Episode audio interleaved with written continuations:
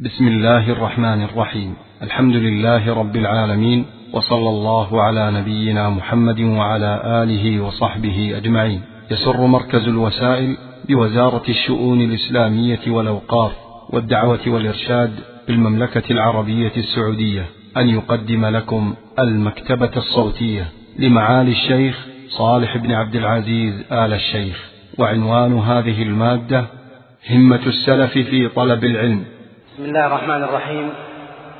الحمد لله رب العالمين وصلى الله وسلم وبارك على نبينا محمد وعلى آله وصحبه أجمعين أما بعد. فمن نعم الله علينا في هذه البلاد وجود علماء ربانيين يعلمون الجاهل وينبهون الغافل ويبصرون السائل ووجود جهات مسؤولة أخذت على عاتقها نشر هذا الدين وحمل رايته وتيسير سبله فكيف إذا كان المسؤول ممن جمع بين الحسنيين فهو عالم ومسؤول يعلم ويوجه ويتبنى المشروعات الدعوية ويرسم مسارها ويقوم اعوجاجها ويشرف على تنفيذها. يأتي هذا اللقاء كافتتاح للدورة العلمية التي ستبدأ غدا بمشيئة الله تعالى في عامها التاسع في ثوب قشيد وحلة زاهية. تأتي هذه الدورة ضمن سلسلة الدورات السابقة تسلك سبيلا مرسوما وتنهج نهجا معلوما رسمه موجهها وأشرف عليه راعيها. إن هذه الدورات قد أفادت كثيرا وسهلت كثيرا ووفرت من الجهد والوقت كثيرا ولتدركوا فوائدها وعظيم نفعها. أسرد على مسامعكم ما أكمل شرحه من المتون. في الدورات السابقة.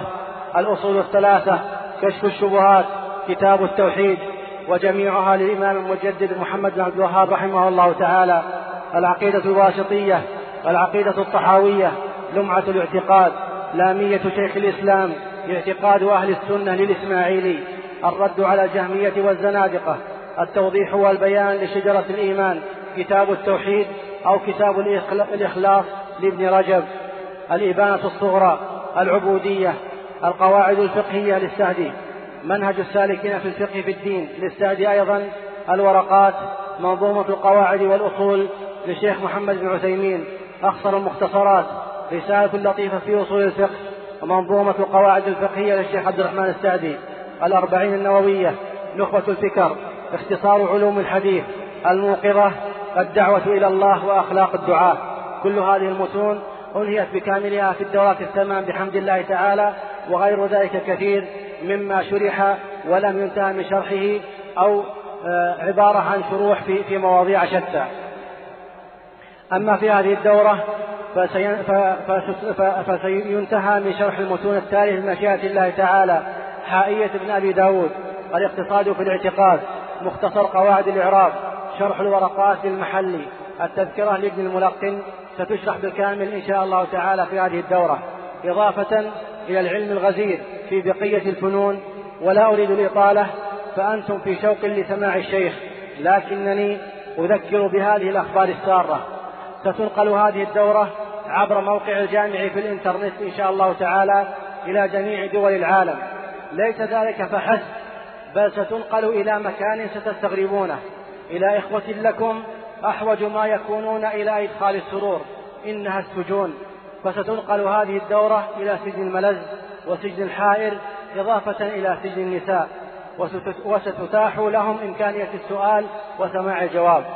وإنني بهذه المناسبة لا أشكر الشيخ الفاضل عبد الله بن ناصر الصالح مدير مركز الدعوة بالرياض الذي رتب لذلك وسعى فيه كما أشكر العميد محمد بن عايض الزهراني مدير إدارة شؤون إدارة سجون منطقة الرياض والرائد عبد المحسن الطويل مدير شعبة التوعية الدينية بالسجون والرائد عبد اللطيف المنصور مدير سجن النساء.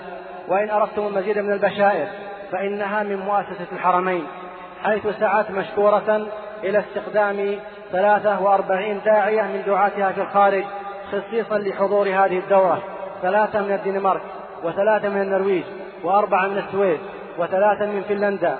وثمانية من ألمانيا وخمسة من بريطانيا وواحد من أسبانيا وثلاثة من فرنسا وأربعة من أمريكا وستة من بلجيكا وثلاثة من هولندا. كما سيتم في هذه الدورة إجراء اختبارات للراغبين بعد نهاية كل متن وستملح لهم إن شاء الله الشهادات بعد ذلك.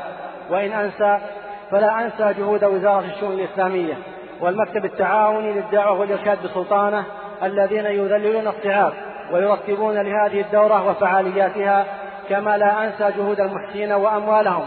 ومن ذلك مؤسسة الأميرة العنود بنت عبد العزيز بن ساعد بن جلوي آل سعود رحمها الله تعالى وأسكنها فسيح جناته. ووفق القائمين على هذه المؤسسة وسدد خطاهم حيث يتكفلون برعاية هذه الدورة. كما أشكر الإخوة في شركة الاتصالات السعودية الذين ذللوا كثيرا من الصعاب وهيئوا النقل المباشر لهذه المحاضرة ولجميع دروس هذه الدورة بأحدث تقنية بحيث يمكن الاستماع المباشر للمحاضرة وبعد ربع ساعة فقط ستكون مسجلة في الموقع إن شاء الله تعالى ويمكن بعد ذلك إعادة سماعها. وإذاعة القرآن لها الشكر والتقدير على ما تقوم به من جهود وما تبذله من المساعي لنشر هذا الدين تشارك في نقل وقائع هذه المحاضرة. ولا شك بأنكم تريدون المزيد من البشائر وبشارتي هي أن أستأذن معالي الشيخ صالح بن عبد العزيز آل الشيخ حفظه الله تعالى ورعاه ورفع درجاته وأقال عثراته إنه ولي ذلك والقادر عليه بأن يلقي محاضرته همة السلف في طلب العلم فليتفضل مشكورا مأجورا. بسم الله الرحمن الرحيم. الحمد لله الذي جعل العلماء مرفوعين منزله وسهل لطالب العلم طريقا إلى الجنة كلما سلك طريقا إلى العلم. فله الحمد كثيرا كما أنعم كثيرا. وأشهد أن لا إله إلا الله وحده لا شريك له وأشهد أن محمدا عبد الله ورسوله صلى الله عليه وعلى آله وصحبه وسلم تسليما كثيرا. أما بعد فأسأل الله جل وعلا أن يجعلني وإياكم ممن صلحت له الأقوال والأعمال. صلح صلح له قول اللسان وقول القلب واستقام له عمل القلب وعمل الجوارح. كما أسأله سبحانه أن يقينا العثار في القول والعمل وأن يجعلنا مباركين معلمين للخير مفتحين أسبابه أينما كنا. إنه سبحانه جواد كريم. وهذه المحاضرة تأتي افتتاحا لهذه الدروس العلمية الصيفية التاسعة في جامع شيخ الإسلام ابن تيمية في حي سلطانة بمدينة الرياض. وهذه الدورات ولا شك انتفع بها عدد كبير من طلاب العلم ومن محصليه ومن المقبلين عليه فإنها سبيل نجاة وسبيل هداية كما أنها سبيل لرفع الأمة من الواقع الذي تعيش فيه. لأن رفع الأمة مما تعيش فيه يحتاج إلى أسباب كثيرة تبذل وتيسر السبل لها ومن ذلك أن يكثر طلبة العلم لشده الحاجة اليوم إلى ورثة الأنبياء فإن هذه الأمة لم يكن فيها نبي بعد رسول الله صلى الله عليه وسلم بل ختمت الرسالات والنبوات بمحمد بن عبد الله. عليه الصلاة والسلام.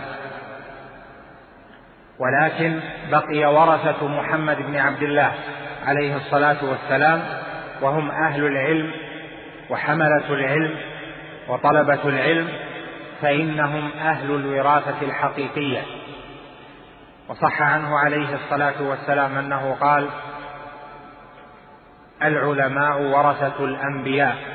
فإن الأنبياء لم يورثوا دينارا ولا درهما وإنما ورثوا العلم فمن أخذه أخذ بحظ واسع.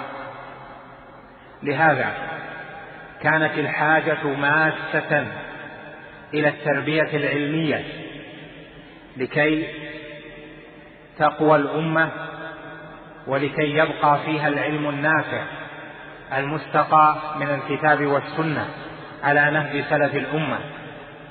هذا العلم النافع قوة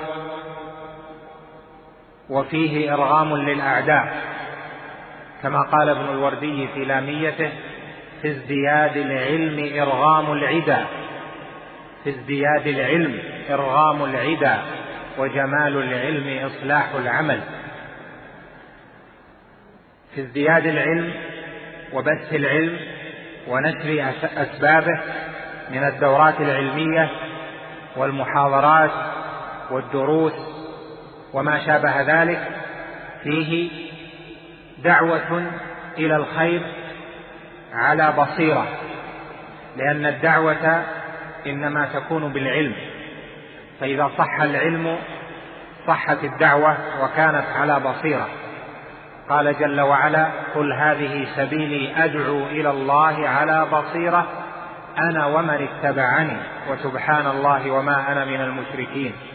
والبصيرة هي العلم النافع لأن البصيرة للقلب هي ما يبصر به القلب الصواب في المعلومات والمدركات. والصواب في المعلومات والمدركات يكون بالبصيرة بالعلم النافع بالعلم المتلقى من مصدر التلقي المأمون. الصحيح وهو كتاب الله جل وعلا القرآن العظيم وسنة محمد بن عبد الله عليه الصلاة والسلام وما تفرع عنهما من علوم مختلفة. لهذا تجد يا طالب العلم أن الله جل وعلا رفع شأن العلم والعلماء في القرآن الكريم ورفع شأنهم النبي صلى الله عليه وسلم. يقول الله جل وعلا لنبيه عليه الصلاة والسلام وقل رب زدني علما. ويقول الله جل وعلا يرفع الله الذين آمنوا منكم والذين أوتوا العلم درجات فأهل العلم والذين أوتوا العلم مرفوعون درجات بوعد الله جل وعلا الصادق لهم. وكذلك بين جل وعلا في القرآن العظيم أن الأنبياء حملوا العلم فبلغوه كما أمرهم الله جل وعلا بذلك. وكل رسول أمر أن يطاع أمر الناس أن يطاع وإنما أتى الرسل بالعلم من الله جل وعلا بما أوحي إليه. وما أرسلنا من رسول إلا ليطاع بإذن الله. والعلم النافع أثنى عليه النبي صلى الله عليه وسلم. في الحديث الصحيح مثل ما بعثني الله به من العلم والهدى كمثل الغيث الكثير أصاب أرضا وهذا العلم النافع مثل بالماء في هذا الحديث ومثل الوحي في القرآن في أكثر من آية بالماء. والوحي علم والعلم وحي من جهة أنه يؤخذ من الوحي. فعظم شأن العلم ينظر إليه بالنظر إلى عظم شأن النبوة وعظم شأن الرسالة. فازدياد العلم هو بقاء لأنوار الرسالة. ومن فوائد قصة موسى عليه السلام مع السحرة ما ذكره شيخ الإسلام ابن تيمية حين قال إن السحر والسحرة يكثرون إذا قلت أنوار العلم والنبوة ويضمحلون إذا ازدادت أنوار العلم والنبوة وهذا صحيح ظاهر من قصة موسى فألقى موسى عصاه فإذا هي تلقف ما يأفكون فكل ما أفكوه فالعلم والسنة يلقفه ويبتلعه ويأخذه ويصيح به من كل جانب. العلم لا بد فيه لتحصيله من أمور. أولها النية الصالحة لأن طلب العلم عبادة ومدارسة العلم خشية كما قال السلف فطلب العلم عبادة. وكما جاء في صحيح مسلم أن النبي صلى الله عليه وسلم قال ومن سلك طريقا يلتمس فيه علما سهل الله له به طريقا إلى الجنة. وإن الملائكة لتضع أجنحتها لطالب العلم رضا بما يصنع العلم وطلب عبادة فيحتاج إلى عزيمة وصبر كما سيأتي ويحتاج اولا إلى تصحيح النية. وطالب العلم قد يأتي للعلم ويأتي لمدارسته ويحضر بدون نية. لكن إذا طلب العلم جاءت النية لأنه حينئذ يحاسب نفسه. قال ابن المبارك وغيره من أئمة السلف طلبنا العلم وليس لنا فيه نية فجاءت النية بعد. لأن النية الصالحة في العلم ربما غفل عنها طالب العلم إما لصغره أو لأنه لم يستحضر هذا الأمر لكن أول ما يتعلم في العلم حديث إنما الأعمال بالنيات وإنما لكل امرئ ما نوى. والأعمال جمع عمل وهو العمل الذي يراد به وجه الله جل وعلا. ومن ذلك العلم وطلب العلم فكل طلب للعلم هو بالنية. فمن أراد به وجه الله جل وعلا فهو بحسب نيته. ومن أراد به الدنيا وأن يزداد منها أو أن يلتفت الناس إليه أو أن يشيروا إليه أو أن يكون مقولا يتحدث ويحسن الكلم فإنه حينئذ فاسد النية. قال السلف الصالح من أئمة أهل الحديث النية في العلم أن تنوي به وجه الله جل وعلا. قال الإمام أحمد النية في العلم أن تنوي به رفع الجهل عن نفسك أن تنوي به رفع الجهل عن نفسك وبه تلحظ أن رفع الجهل متوجه اليك فإذا طلبت العلم فاعلم أنك تتعلم لترفع الجهل عن نفسك. الجهل بأي شيء؟ الجهل بأعظم ثلاثة أمور. يسأل عنها العبد في قبره. ألا وهي الجهل بالله جل وعلا والجهل بالدين والجهل بالرسول صلى الله عليه وسلم. فإن المرء يسأل في قبره بل إن المسلم والمسلمة يسأل الجميع في قبره عن ثلاث من ربك وما دينك ومن نبيك. ولهذا كان العلم النافع متوجها إلى رفع الجهل جهل المرء أو المرأة بهذه الثلاث. فيتعلم ما يستحقه الله جل وعلا من الربوبية والعبادة وحده دون سواه ومن الأسماء والصفات ونعوت الجلال والجمال والكمال. ويتعلم دين الإسلام بالأدلة ويتعلم حق النبي صلى الله عليه وسلم واسمه وسيرته وما كان عليه ودلائل نبوته عليه الصلاة والسلام. يتعلم ذلك ليكون مسلما رافعا الجهل عن نفسه في هذه المسائل العظام. وإذا كان آنس من نفسه رشدا وقوة في العلم وحفظا فإنه يضيف إلى هذه النية أن ينفع المسلمين. ينوي وهو يتعلم أن ينفع المسلمين. وأحب عباد الله إلى الله أنفعهم لعباده فإذا نوى بعلمه أن ينفع العباد أن ينفع عباد الله في المسجد وفي بيته وأن ينفعهم في الإجابة عن أسئلتهم أو في إرشادهم أو في تعليم الجاهل في تعليم الصلاة في تعليم التوحيد في تعليم الصلاة في تعليم شروط الصلاة.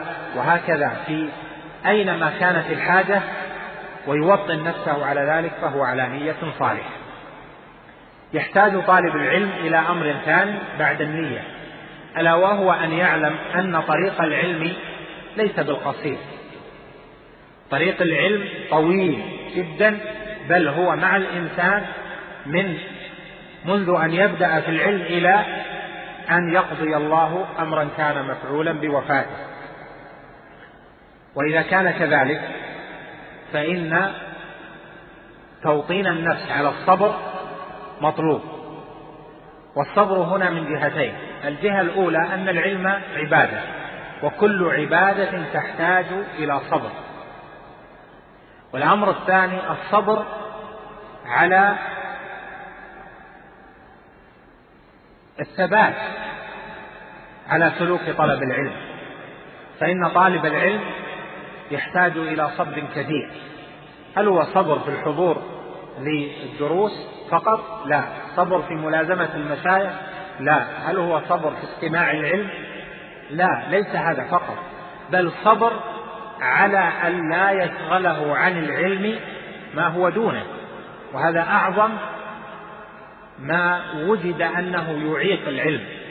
وهو أنه خاصة في الشباب وأكثركم من الشباب خاصة في هذا السن فإن فإنه قد يشغلك عن العلم الأصحاب أو النزع أو يشغلك عن العلم أمور كثيرة مما تلذ لها النفس.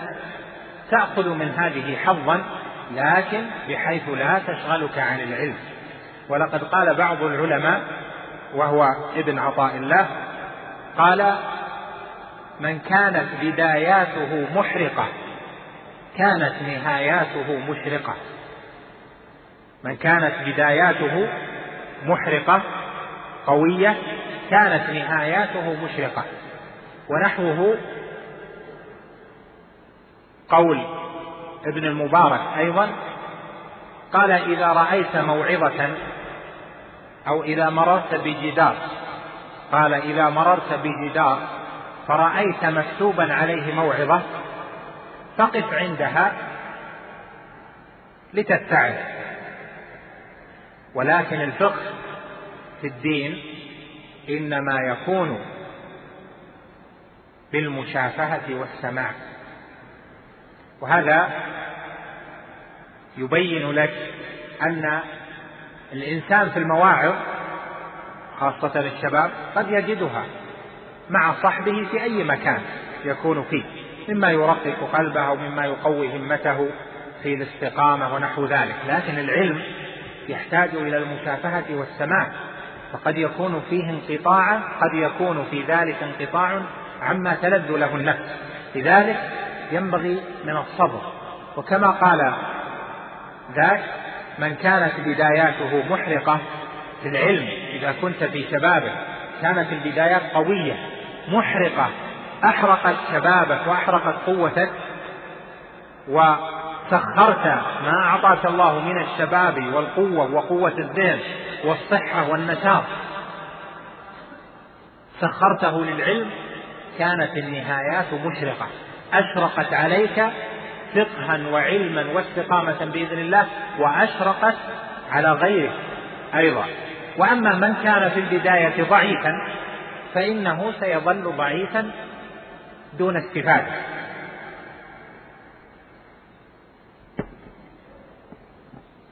لهذا ينبغي أن توطن نفسك على أن طريق العلم يحتاج إلى صبر. وخذ مثلا لذلك قصة موسى عليه السلام مع الخضر. كيف أنه لم يصبر فلم يستفد من الخضر إلا ثلاث مسائل فقط لأنه لم يصبر. وقد قال النبي صلى الله عليه وسلم كما في الصحيح وددنا لو أن موسى صبر. يعني فتعلمنا وأخذنا وعلمنا ما عند عبد الله الخضر. الصبر في العلم يحتاج منك إلى قوة قوة نفسية صارمة في أن تحفظ وأن تفهم وأن تستمع وأن يكون العلم هو الشغل الشاغل.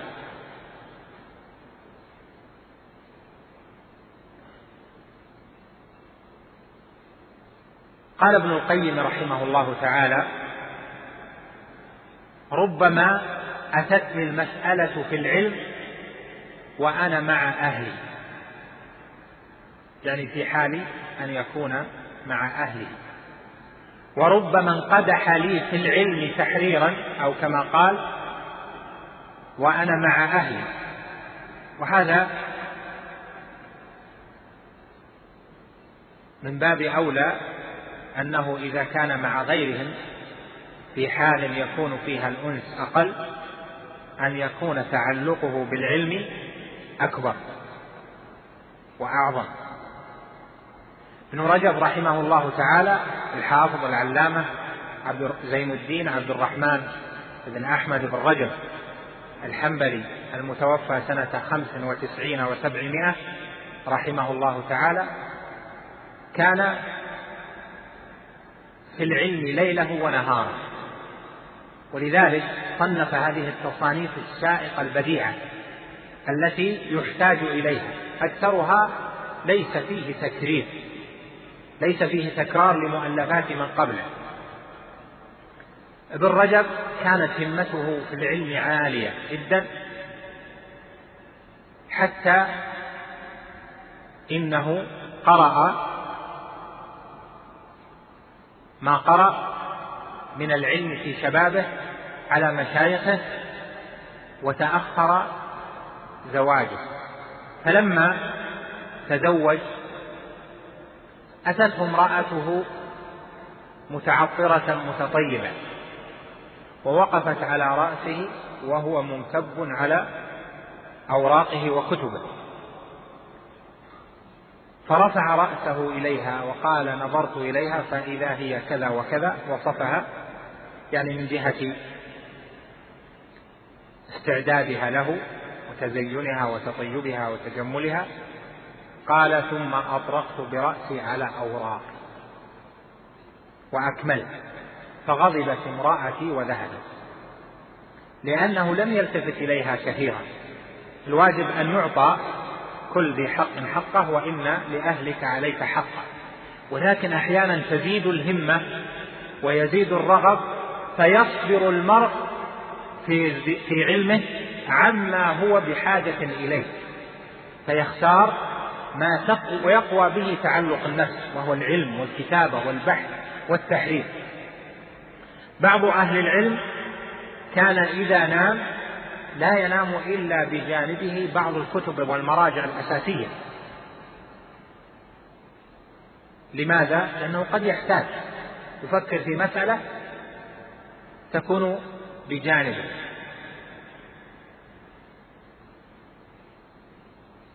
المسألة الثالثة أو الصفة الثالثة من صفات طالب العلم أو مما يحتاجه طالب العلم أن يتعلم في علمه أن الأمور لا تأتي شيئا واحدا لا تأتي مرة واحدة وإنما تأتي شيئا فشيئا. فالعلم لا يأتي جميعا. ومن أراد العلم جملة كما قال ابن شهاب الزهري ذهب عنه جملة. وإنما يطلب العلم على مر الأيام والليالي. السمة الرابعة وهي المقصودة بهذه المحاضرة أن تكون الهمة عالية. والهمة وصف نفسي. وصف للنفس تشغل صاحبها إلى المعالي من الناس من تضعف همته فيرى العلم لا قيمة له وكثير من الناس والشباب و العلم يعني إيش فائدة العلم؟ وقال بعض كان بعض العلماء يحفظ يحفظ القاموس المحيط للفيروزبادي قاموس ما معناه؟ قاموس معناه البحر ولا يصلح أن يسمى المعجم قاموسا لأن المعجم الكتاب الذي يفك فيه الإعجام يعني ما جهلته ما استعجم عليه. أما القاموس فمعناه البحر إذا كان معجم يسمى قاموسا فهو غلط وإنما هو ظن أن القاموس بمعنى المعجم ولكن القاموس معناه البحث. فيروز سمى كتابه القاموس المحيط. والقابوس الوسيط لما تفرق من كلام العرب شماطير. يعني منتزعا جمع فيه لغة العرب. كان بعض العلماء يحفظ القاموس. فسئل عنه بعض العلماء الآخرين لكنه كان عصرانيا يعني يحب العلوم العصرية وإن كان من العلماء ويميل إليه. فقالوا له إن فلانا يحفظ القاموس. قال ما شاء الله زادت في مصر نسخة من القاموس. وهذا فيه توهين لشأن الحفظ. والحفظ هو أساس العلم. الحفظ هو أساس العلم الموروث عن النبي صلى الله عليه وسلم. الله جل وعلا قال لنبيه فإذا قرأناه فاتبع قرآنه ثم إن علينا بيانه. فالأول الحفظ فإذا قرأناه فاتبع قرآنه. وقال في الآية الأخرى كذلك لنثبت به فؤاده. وقرآنا فرقناه لتقرأه على الناس على مكث ثم إن علينا بيانه يعني يأتي البيان والفهم والإيضاح بعد الحفظ. كذلك السنة. السنة النبي صلى الله عليه وسلم أوصى بحفظها فقال نظر الله امرأ وفي رواية نظر الله وجه امرئ. نظر يعني جعل الله وجهه ناظرا نظرا في الدنيا والآخرة. نظر الله امرأ أو وجه امرئ سمع مقالتي فحفظها. وفي رواية فوعاها فأداها كما سمعها فرب مبلغ أوعى من سامع الصحابة لم يحفظوا السنة حفظوها. كانوا فقهاء ليس كل الصحابة الصحابة فقهاء لكن حفظوا السنة فبلغوها فأتى من فهم السنة ووعاها وشرحها إلى آخر حفظا للدين في هذه الأمة. أبو هريرة رضي الله عنه كان يراجع الحديث ليحفظه. فعلم النبي صلى الله عليه وسلم مشقته بذلك فقال له يا أبا هر ابسط رداءك. فبسطه قال ضم رداءك فضمه. قال فما نسيت بعدها من العلم إذا سمعته شيئا. أكثر من حفظ السنة من الصحابة أبو هريرة رضي الله عنه وكان يصحب النبي صلى الله عليه وسلم على ملء بطنه. هذه الهمة الشغف اللي في داخل الإنسان أساسه الحفظ. يعني يحرص على أن يحفظ لأن الفهم عرض يطرأ ويزول.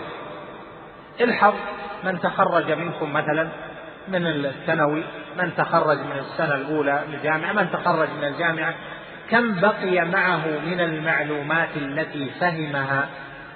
القليل لكن إذا حفظ تبقى المحفوظات وإذا ذهبت إذا راجعها رجعت ثم إذا راجع شرحها أتى متى؟ ما أراد ذلك بتوفيق الله. لهذا يحرص طالب العلم على أن تكون همته قوية كما كانت همة السلف في الحفظ.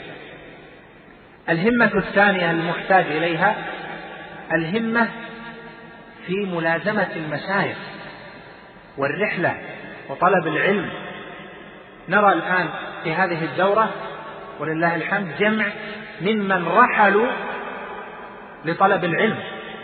منهم من أتى من الكويت ومن الإمارات ومن عمان ومن البحرين ومن غيرها ومن بلاد المملكة أيضا جاءوا من عدد من البلاد. هذه الرحلة في طلب العلم هي نوع من الهمة التي كان السلف يحرصون عليه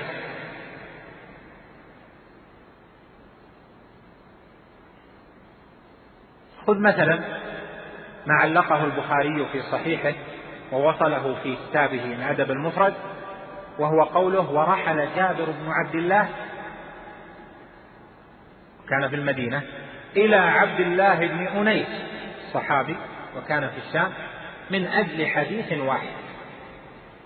وصله في الأدب المفرد بأن جابر بن عبد الله الصحابي رضي الله عنهما يعني عنه وعن أبيه. رحل إلى عبد الله بن أنيس. قال سمعت أن عبد الله بن أنيس لديه حديث لم أسمعه. فرحل من المدينة إلى الشام شهرا. فلما دخل الشام سأل عن مكان بيت عبد الله بن أنيس فدل عليه. فلما طرق الباب خرج له الخادم. فقال له أين عبد الله بن أنيس فقال من أنت؟ ما يعرفه ليس من أهل دمشق. فقال أنا جابر بن عبد الله. خادم قال صاحب رسول الله صلى الله عليه وسلم؟ قال نعم. فذهب فأتاه عبد الله بن أنيس فاعتنق فعانقه ثم قال أتيت إليك من المدينة. سمعت أن عندك حديثا عن النبي صلى الله عليه وسلم. أردت أن أسمعه منك. قال وأي حديث ذاك؟ فقال قوله يعني النبي صلى الله عليه وسلم يحشر الله الناس يوم القيامة عراة غرلا بهما. فقال نعم. فقص عليه الحديث. هذه الهمة تأثر بها صغار الصحابة. عبد الله بن عباس كان هو وله صديق من الأنصار. عبد الله بن عباس شباب. يعني في وقت عمر بن الخطاب رضي الله عنه كان في أوائل العشرينات من العمر. كان له صاحب من الأنصار فكان عبد الله بن عباس يغشى مجالس الصحابة ويحرص على أن يستفيد منه. فعاتبه صاحبه من الأنصار وقال يا عبد الله أتظن أن الناس يحتاجون إلى علمك أو يحتاجون إليك وهؤلاء صحابة رسول الله صلى الله عليه وسلم موجودون؟ فابن عباس لم تثنه هذه الكلمة. عن الهمة وملازمة الكبار لأن الناس فعلا احتاجوا إليه بعد أن قل الصحابة. فكان يلازم باب أحد الصحابة باب أحد الأنصار حتى تسفي عليه الريح التراب وهو عبد الله بن عباس بن عم رسول الله صلى الله عليه وسلم ويصبر حتى يخرج إليه أو يخرج الصحابي ويصحبه إلى المسجد يصحبه إلى مكانه فيسأله عن العلم.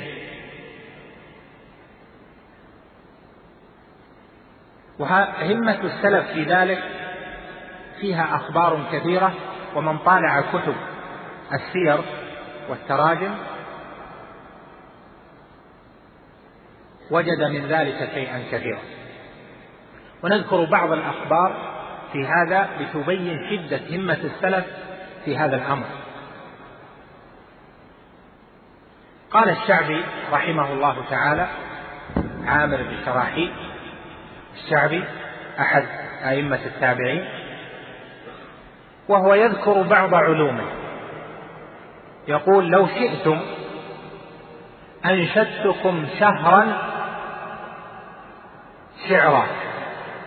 يعني شهر كامل أنشدكم لو شئتم أنشدتكم شهرا شعرا لا أعيد يعني ما أكرر عليه. لكن ما يناسب العالم تكون همته دائما الشعر وإنما الشعر يستفاد منه بحسب الحاجة إليه. أبو حاتم الرازي أبو حاتم الرازي والد عبد الرحمن صاحب الجرح كتاب الجرح والتعديل. أبو حاتم الرازي محمد بن إدريس. الرازي كان أحد أئمة الإسلام. الجهابذة المعروفين وصاحب سنة وحجة. قص عن نفسه خبر طلبه للعلم وهو صغير. قال تركت الري لطلب العلم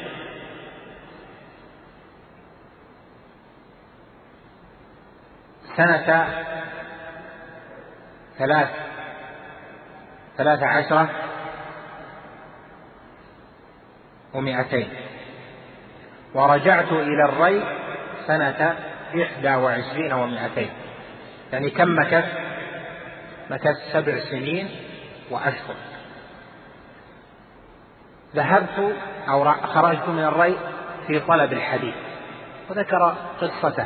كيف أنه يخرج من بلد إلى بلد ماشيا على الأقدام؟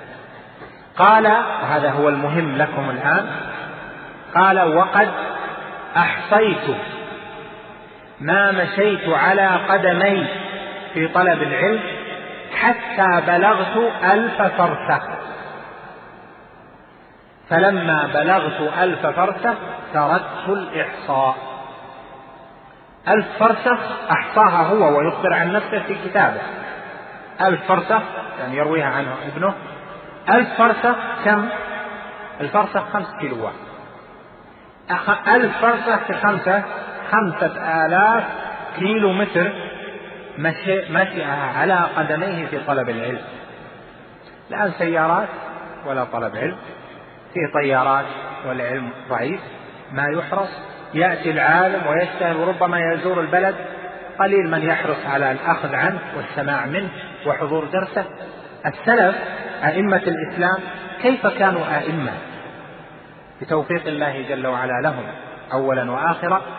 ثم أعطاهم الله جل وعلا أسبابا فيها القوة وفيها الهمة. وذكر عن نفسه أشياء من رحلته من بلد إلى بلد إلى لتحصيل ربما حديث واحد. حتى جمع العلم. الإمام أحمد رحمه الله تعالى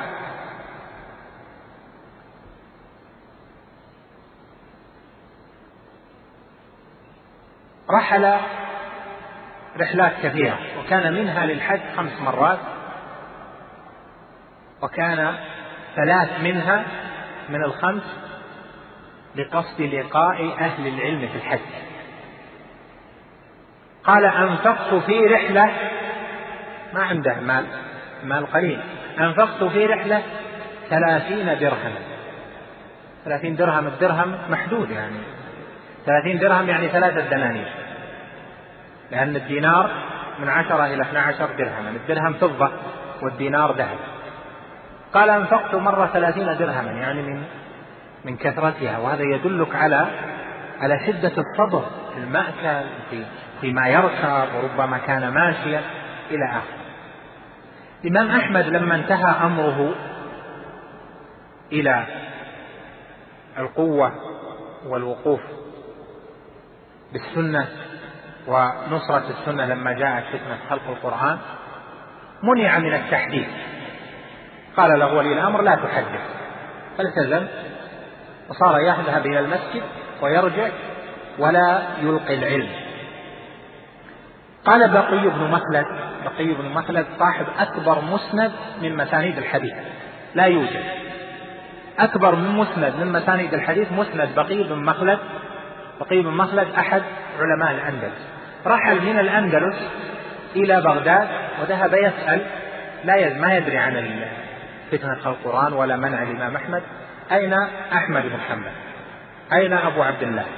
فقالوا أخبروه بأنه لا يحدث قال فطرقت عليه الباب في بيته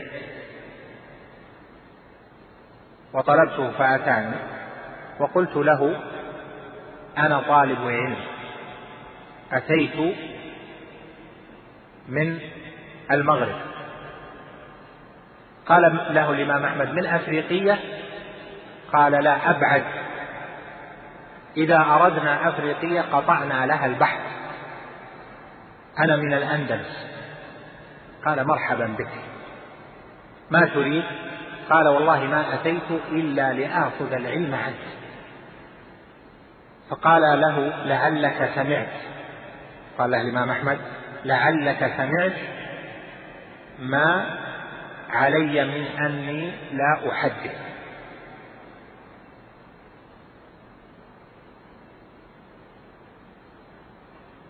قال ولكني أريد الحديث وحدي أو أعطني من العلم. فقال بشرط قال الإمام أحمد بشرط. قال اشترط ما لك قال ألا تجلس في حلقة من حلقات العلم والحديث. حتى لا يعرف أنه جالس يجلس في حلقة العلم ويأتي الإمام أحمد معناه الإمام أحمد أصبح يعلم في بيته أو يعلم فيه.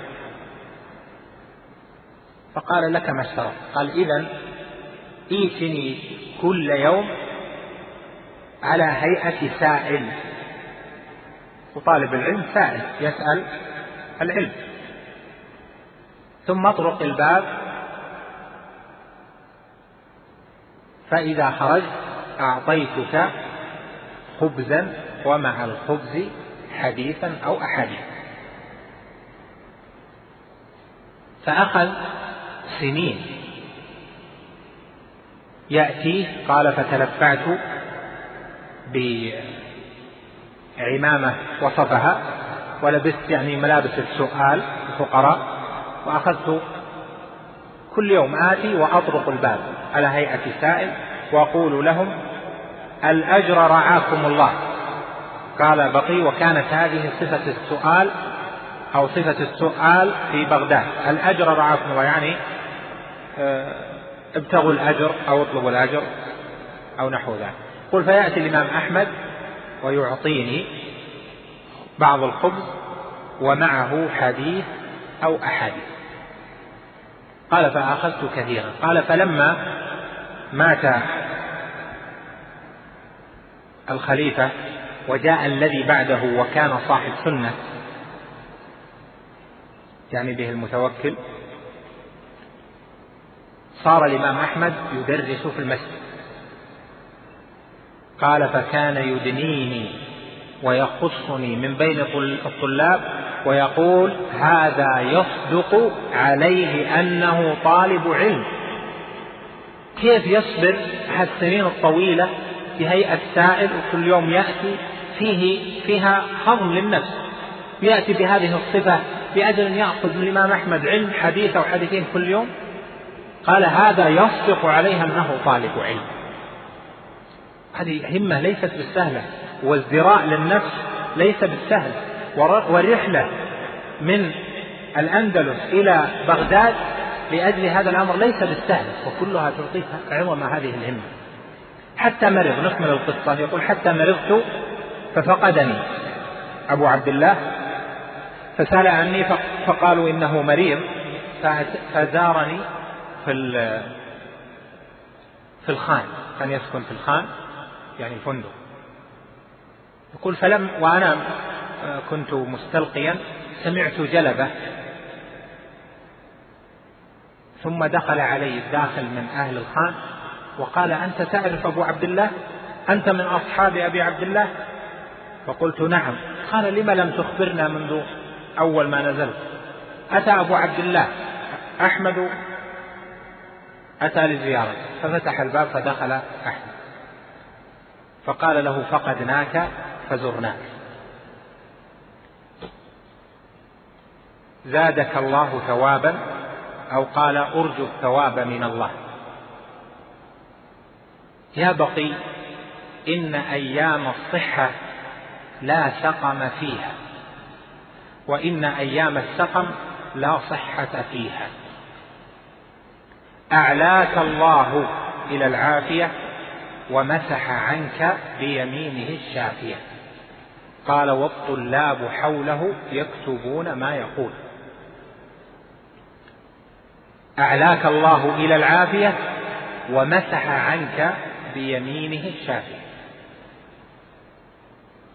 الوقفة هنا في القصة أخذتم عبرتها ودرسها لكن خذ كلمة الإمام أحمد إن أيام الصحة لا سقم فيها وإن أيام السقم لا صحة فيها. يريد بذلك أن طالب العلم همته تكون في أيام الصحة. فلما كانت أيام الصحة التي لا سقم فيها فعندك المجال والهمة قوية لطلب العلم لأنه ربما أن يعرض لك عالم. وهذا مأخوذ من قول النبي صلى الله عليه وسلم وخذ من صحتك لمرضك. ابن الجوزي رحمه الله تعالى أحد علماء الإسلام المعروفين. وصفه الذهبي في كتابه سير أعلام النبلاء بقوله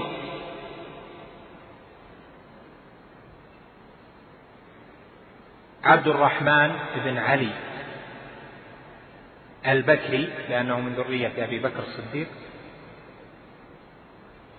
المعروف بابن الجوزي عالم العراق وواعظ الآفاق. عالم العراق وواعظ الآفاق. وأخذ في سرد جملة من أخباره. ابن الجوزي رحمه الله كان في صغره وفي كبره عنده الهمة والإلحاح في طلب العلم. آخذا قول الإمام أحمد اطلبوا العلم من المهدي إلى اللحم. ماذا يقول؟ يقول كنت إذا أراد أن يزورني أحد اشتغلت أثناء زيارته بتجهيز الأوراق للكتابة وببري الأقلام. يعني ما يضيع وقته معهم يستأنس معهم بالكلام لكن من جهة اليد والعمل يشتغل بما ينفعه لأن الوقت هذا ماشي والذهن معهم بالكلام لكن العمل اليد يبري الأقلام ويجهز الأوراق. وكان يقول عنه ابنه يقول كان إذا دخل يقول عنها حتى تلاميذته يقول إذا دخل الخلاء أوصى ابنته أو نحو من ذلك أن تقرأ عليه من الخارج. يعني تقرأ عليه إما كتاب كذا ولا مما يناسب أن يسمعه. من همته وصفاء نيته أنه ألف أكثر من خمسمائة كتاب. بعضها في رسالة وبعضها كبير في مجلدات كبيرة.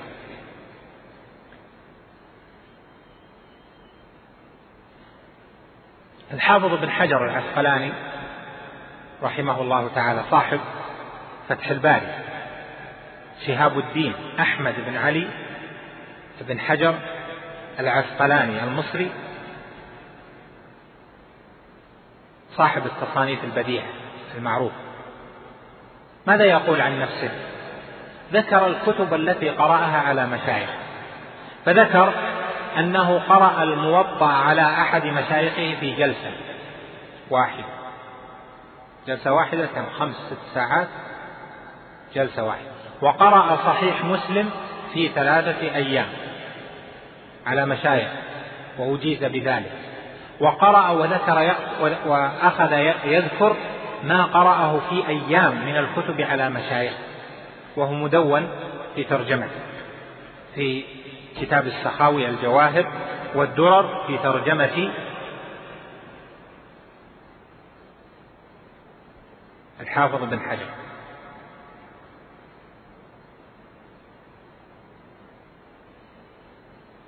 هذه الهمة تحتاج منك إلى تأمل. تحتاج منك إلى سعة وقوة في أن تتعرف لماذا نبغ السلف. لماذا كثر فيهم العلماء. كان يحضر في المجلس الواحد ليستمع للحديث أكثر من عشرة آلاف. حتى إنه ذكر في بغداد مرة أنه لما عطس الشيخ الذي يعلم أو الشيخ الذي يقرئ صار الناس يقولون رحمك الله رحمك الله حتى وصلت كلمة رحمك الله إلى الخليفة وهو في حديقة قصره. قال ما هذا؟ قال يشمتون المحدث فلان.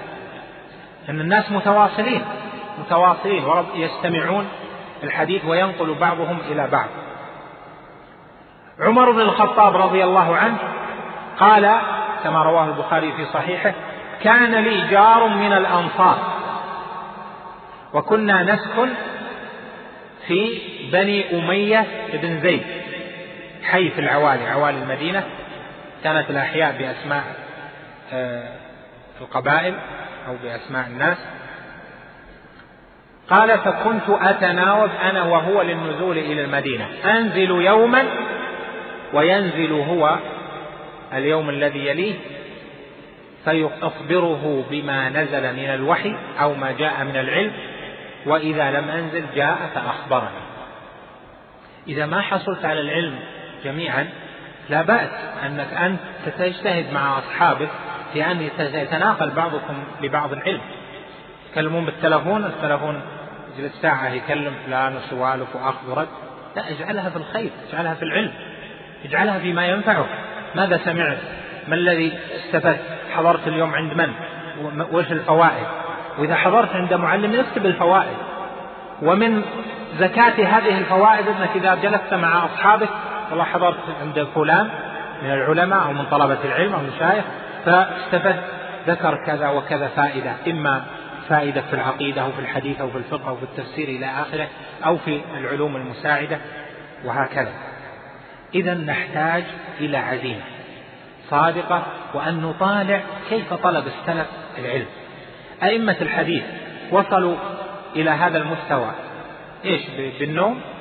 وصلوا إليه بالارتخاء؟ وصلوا إليه بالاشتغال يمنة ويسرة؟ لا. لكن تعبوا وأصلحوا النية فآتاهم الله جل وعلا ثواب ما عمل. لهذا أوصي الجميع والوقت يضيق عن بسط الأمثلة. أوصي الجميع بأن تحرصوا على مجالسة العلماء الأحياء ومن؟ والأموات. جالس العلماء الأحياء والأموات. أما الأحياء فاستفيدوا منهم لفظا وسماعا. وأما الأموات فاقرأوا كتبهم. دخل جماعة إلى عبد الله بن المبارك والذهبي له رسالة. رسالة في أخبار ابن المبارك اسمها قض نهارك مع ابن المبارك. دخل عليه جماعة فخرج عليه. فكأنه لم يستأنس له. فقال له بعضهم كأن عندك من يؤنسك. يعني كأنه يشير إلى أنك جالس مع أهلك أو جالس مع عيالك أو نحو ذلك. قال إي والله عندي من هو أفضل منكم. أنا مع مع سير صحابة رسول الله صلى الله عليه وسلم ومع سير تابعيه يعني في العلم. فإذا أنست هنا أنست بالعلم وأنست بأهله بعثت بعثت لديك الهمة القوية. لهذا وصيتي لنفسي أولا ولكم أن تكثروا من مجالسة العلماء الأحياء والأموات. أما الأموات فإنك ستحيي عندك الهمة في أن تكون مثلهم. السلف نبغوا وصاروا أئمة ونفعوا المسلمين وبقي نفعهم إلى الآن وإلى قيام الساعة. لما؟ صدق اللجأ إلى الله جل وعلا وإصلاح النية وأن العلم طلبوه على أصوله فنفعوا سابقا قبل عشرين سنة ثلاثين سنة زملاؤنا وأصحابنا وأصدقاؤنا كلنا كنا طلاب علم يعني ما كنا لا نفهم شيئا في وقت من الأوقات. عندي دفاتر أسجل فيها الفوائد. قبل مدة أفتش في بعضها فأنظر إلى الفوائد اللي كتبتها أول ما جلست في حلق العلم أو استمعت إلى العلم أو قرأت. فإذا فيها أشياء لا تساوي اليوم أن تكون فائدة. لكنها في أول الأمر كانت فائدة مهمة إما في العقيدة أو في السنة أو في المصطلح أو في الفقه. فالعلم يزداد يزداد بالهمة. ففي ذاك الزمان كانت فوائد وحريصين العلماء يتخرمون ويذهبون. فيبقى من؟ يبقى للأمة يبقى للناس يبقى للمسلمين. من يحمل هذه الأمانة؟ من يحمل الكتاب والسنة؟ من يحمل الفقه؟ من يؤدي هذا العلم؟ من يحفظ للنبي صلى الله عليه وسلم علمه في أمته؟ أنتم. إذا ما حفظه أهل العلم وطلبة العلم وجدوا في ذلك من سيحفظه؟ لا شك أنه سيذهب. ولذلك نخشى من وقت يأتي فيه قول النبي صلى الله عليه وسلم إن الله لا ينتزع هذا العلم انتزاعا من صدور العلماء. ولكن يقبض هذا العلم إن الله لا يقبض هذا العلم انتزاعا ينتزعه من صدور العلماء.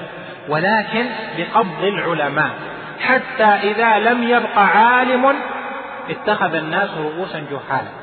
كيف؟ قبض العلماء يعني موتهم ينقطع العلماء ينقطع إذا ينقطع طلبة العلم. فيتخذ الناس رؤوسا جهالا فيسألون فيفتون بغير علم فيضلون ويضلون. وهذه مسألة صعبة صعبة جدا. إن كل واحد منكم يأنس من نفسه رشدا وقوة فأفضل شيء في, في سبيل الله اليوم هو العلم أعظم أنواع الجهاد اليوم التي تحتاجها الأمة الجهاد العلمي. أن تتعلم وتحفظ وتفهم وتقوى في هذا الجانب. إذا كان عندك قوة وملكة في هذا حتى تنفع الأمة. الأمة بحاجة اليوم إلى من؟ إلى العلماء الربانيين الذين يقودون الأمة إلى الخير ويشرحون كتاب الله وسنة رسوله صلى الله عليه وسلم. في ختام هذه الكلمة أوصيكم بالاستفادة من هذه الدورة ومن جميع الدورات وبالاستماع إلى كلام أهل العلم سواء بالمشافهة والمجالسة بثني الركب أو بالاستماع إلى الأشرطة وما خلفوه من العلم. فإنكم لا تدرون من متى سيحتاج الناس إليكم. لا تدرون متى سيحتاج الناس إليكم. منكم من عمره 15 20 بعد 50 سنة الكثير والأكثر من طلبة العلم اليوم والعلماء سيذهبون ويبقى الصغار بعد 30 40 سنة سينفعون. لا تدرون فاحفظوا علم النبي صلى الله عليه وسلم في أمته. احفظوا فقه فقه الإسلام في هذه الأمة ولا يكون على أيديكم ذهاب حمل العلم. بل احرصوا وجدوا في ذلك فإن ذلك نية صالحة وجهاد في سبيل الله. ولذلك قال جمع من أهل العلم أفضل النوافل على الإطلاق طلب العلم. قالوا الجهاد؟ قال لا. طلب العلم أفضل من الجهاد يعني جهاد النفل. لماذا؟ قال لأن طالب العلم ينتفع منه الناس. نفعه متعدد ينفع في حاضره وفي مستقبله. فطلب العلم نفعه متعد ولذلك فضله كثير من أهل العلم على على الجهاد. وهذه المسألة تبحث في أول كتاب الجهاد من كتب الفقه ويقولون أن أفضل النوافل الجهاد والأكثر يقولون أفضل النوافل طالب طلب العلم لمن كان عنده القدرة على ذلك. أسأل الله الكريم أن يوفقكم إلى ما فيه انشراح الصدر في سبيل العلم والتعلم وأن يقوي منكم العقل والقلب والفهم وأن يصحح منكم النية وأن يجعلني وإياكم ممن استقام لسانه واستقام فعله واستقام قلبه على ما يحب ويرضى كما أسأله سبحانه أن يجزي عنا مشايخنا ومن علمنا خيرا وأن يجعلنا ممن حمل الرسالة وأدى العلم إلى من بعدنا كما أداه من قبلنا إلينا. إنه سبحانه جواد كريم. اللهم وفق ولاة أمورنا إلى ما تحب وترضى واجعلنا جميعا من المتعاونين على البر والتقوى. نسألك اللهم رضاك نسألك اللهم رضاك نسألك اللهم رضاك. وصلى الله وسلم وبارك على نبينا محمد. أحسن الله إليكم. أحسن الله إليكم. ورفع درجاتكم ونفعنا بعلمكم. هذا سائل يقول فضيلة الشيخ أنا لي الرغبة في طلب العلم وإفادة غيري لكن مشكلتي أنني إذا سمعت العلم أنساه ولا يبقى في ذاكرتي منه شيء فبماذا تنصحونني؟ وجزاكم الله خيرا. الحمد لله. وبعد الناس يتفاوتون في طلب العلم. ليس كل من طلب العلم صار حافظا لكل ما يسمع لكن سيحفظ شيئا والعلم يؤخذ شيئا فشيئا. فإذا كرر حفظ. وأنا أوصيه بأن يجتهد في حفظ القرآن. لأن الحفظ غريزة. وبالحفظ وتكرار الحفظ تزداد وتقوى. ومن جرب وجد أن حفظ القرآن به يبدأ الطريق في انفتاح الحافظ. السائل إذا كان أنه لم آه، يحفظ القرآن فليجتهد في حفظ القرآن. لذلك كان جمع من أهل العلم إذا أتاهم يعني في الزمن القديم لما كان طالب العلم آه، يأتي للمسجد ويلازم المشايخ في كل اليوم إذا أتى يريد العلم وهو لم يحفظ القرآن قالوا لا احفظ القرآن أولا ثم إيه لأن حفظ القرآن يفسق الحافظة.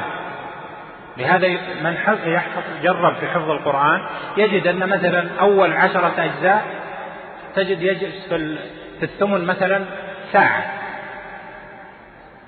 ساعة يحفظ فيه يحفظه ثم يحتاج إلى تكرار.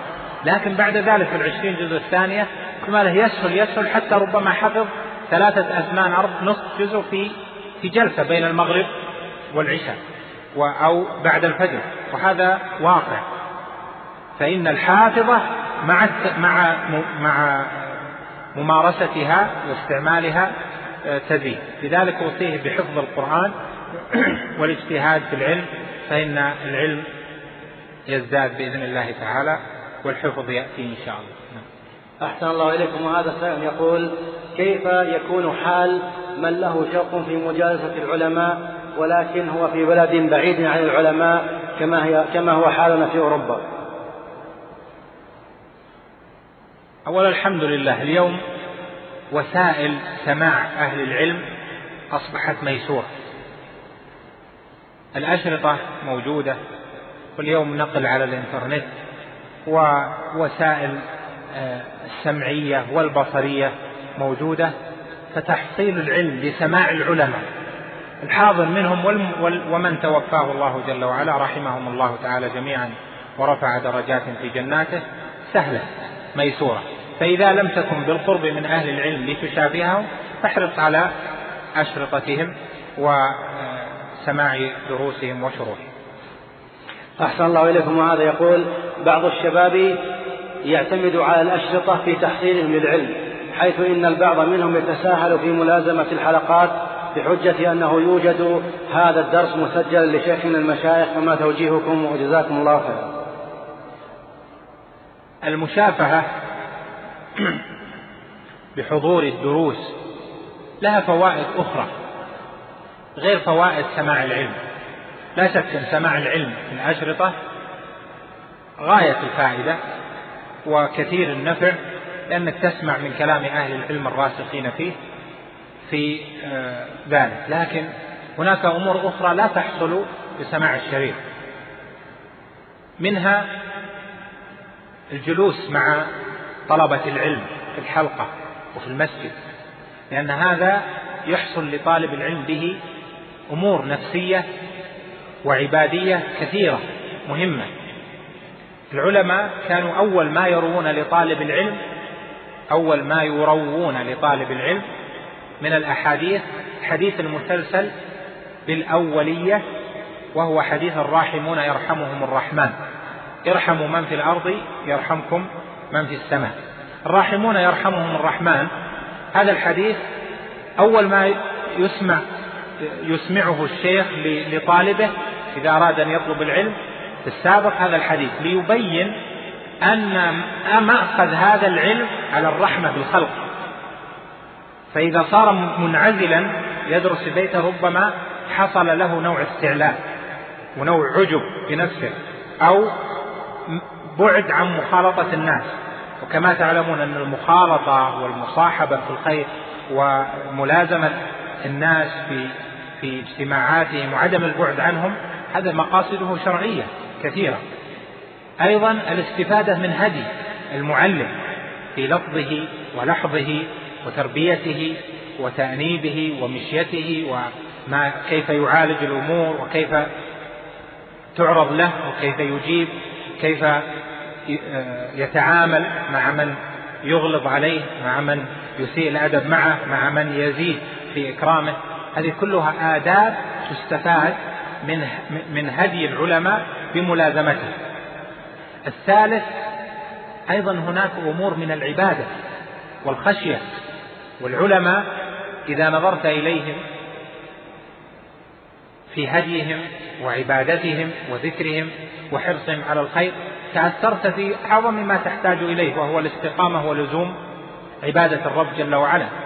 أما في السماع تستمع العلم لكن أمور النظر في عبادته وهديه وصلاته ومبادرته للمسجد وحرصه على ختم القرآن وحفظه وقيامه في الليل ونحو ذلك هذه ما تستفيدها من الأشرطة إنما تستفيدها من الملازمة والسماع. كيف يعبر؟ كيف يتأثر؟ إذا عرض عليه شيء هذه إنما تعرض مع أو تأتي مع الحضور. لهذا كان آه، ابن الجوزي يقول شيخنا فلان حضرنا عنده واستفدنا من بكائه أكثر مما استفدنا من علمه. يعني استفاد من علمه لكن استفاد من بكائه وخشيته وورعه أكثر.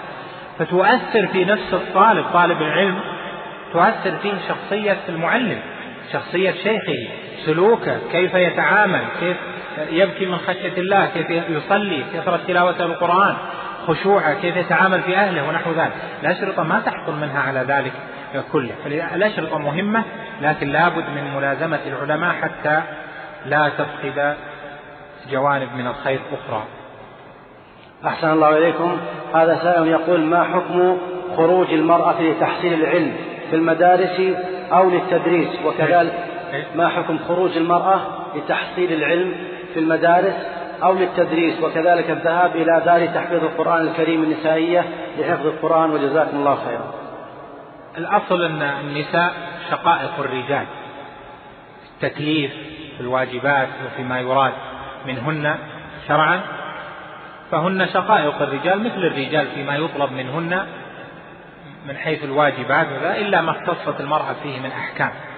وطلب العلم المرأة مخاطبة بأن تطلب العلم وأن تحرص على ذلك لكن بشروطه الشرعية المعتبرة. ومنها في هذا المقام أن تكون أن يكون بإذن وليها وأن لا يكون معه بعض ما لا يحمد من الأمور وأن لا تفرط في بيت زوجها أو في آه، أولادها ونحو ذلك. فإذا حصل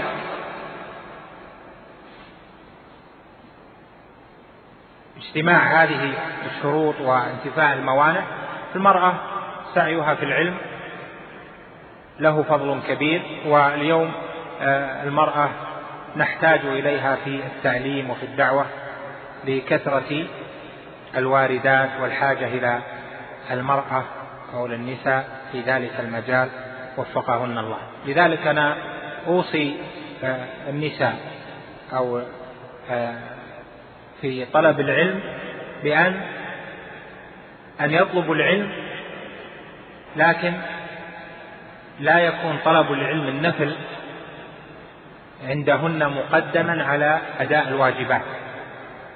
لأن بعض النساء قد تهمل زوجها البتة أو تهمل بيتها تهمل أولادها ونحو ذلك فيحصل من هذا أمور غير محمودة. فتتوازن في ذلك وتحصل المفاسد تحصل المصالح وتدرع المفاسد ولها أجرها بحسب نيتها إن شاء الله. حقيقة وددنا لو طال اللقاء ولكن معالي الشيخ مشغول بعد الصلاة آه، وأختم بهذا التنبيه. قامت وكالة وزارة وزارة الإسلامية والأوقاف للمطبوعات والنشر بطباعة متون الدورة العلمية كاملة وستوزع إن شاء الله تعالى بعد نهاية الصلاة في آخر المسجد في الجهة الشرقية والرجاء من الإخوة عدم التزاحم يعني تقفون إن شاء الله صفوفا أمام المواصلات التي أعدت في آخر المسجد وتستلمون إن شاء الله جميعا لأن الكمية كبيرة جدا وتكفي الحضور ولكن يشترط يحضر كل منكم ولو درسا واحدا على الأقل هذا بالنسبة للرجال. أما بالنسبة للنساء فسيستلمن إن شاء الله بعد الصلاة أيضا في المكتبة النسائية بعد نهاية الصلاة. ستقوم إن شاء الله أمينة المكتبة بفتحها وتسليم الأخوات الراغبات في حضور دروس الدورة. شكر الله لشيخنا الشيخ صالح هذا الحضور وهذه المحاضرة. التي نسأل الله عز وجل أن, أن تكون في ميزان حسناته وأن يرفع بها درجاته. إنه ولي ذلك والقادر عليه. وصلى الله على نبينا محمد وعلى آله وصحبه أجمعين. مع تحيات مركز الوسائل بوزارة الشؤون الإسلامية والأوقاف والدعوة والإرشاد بالمملكة العربية السعودية.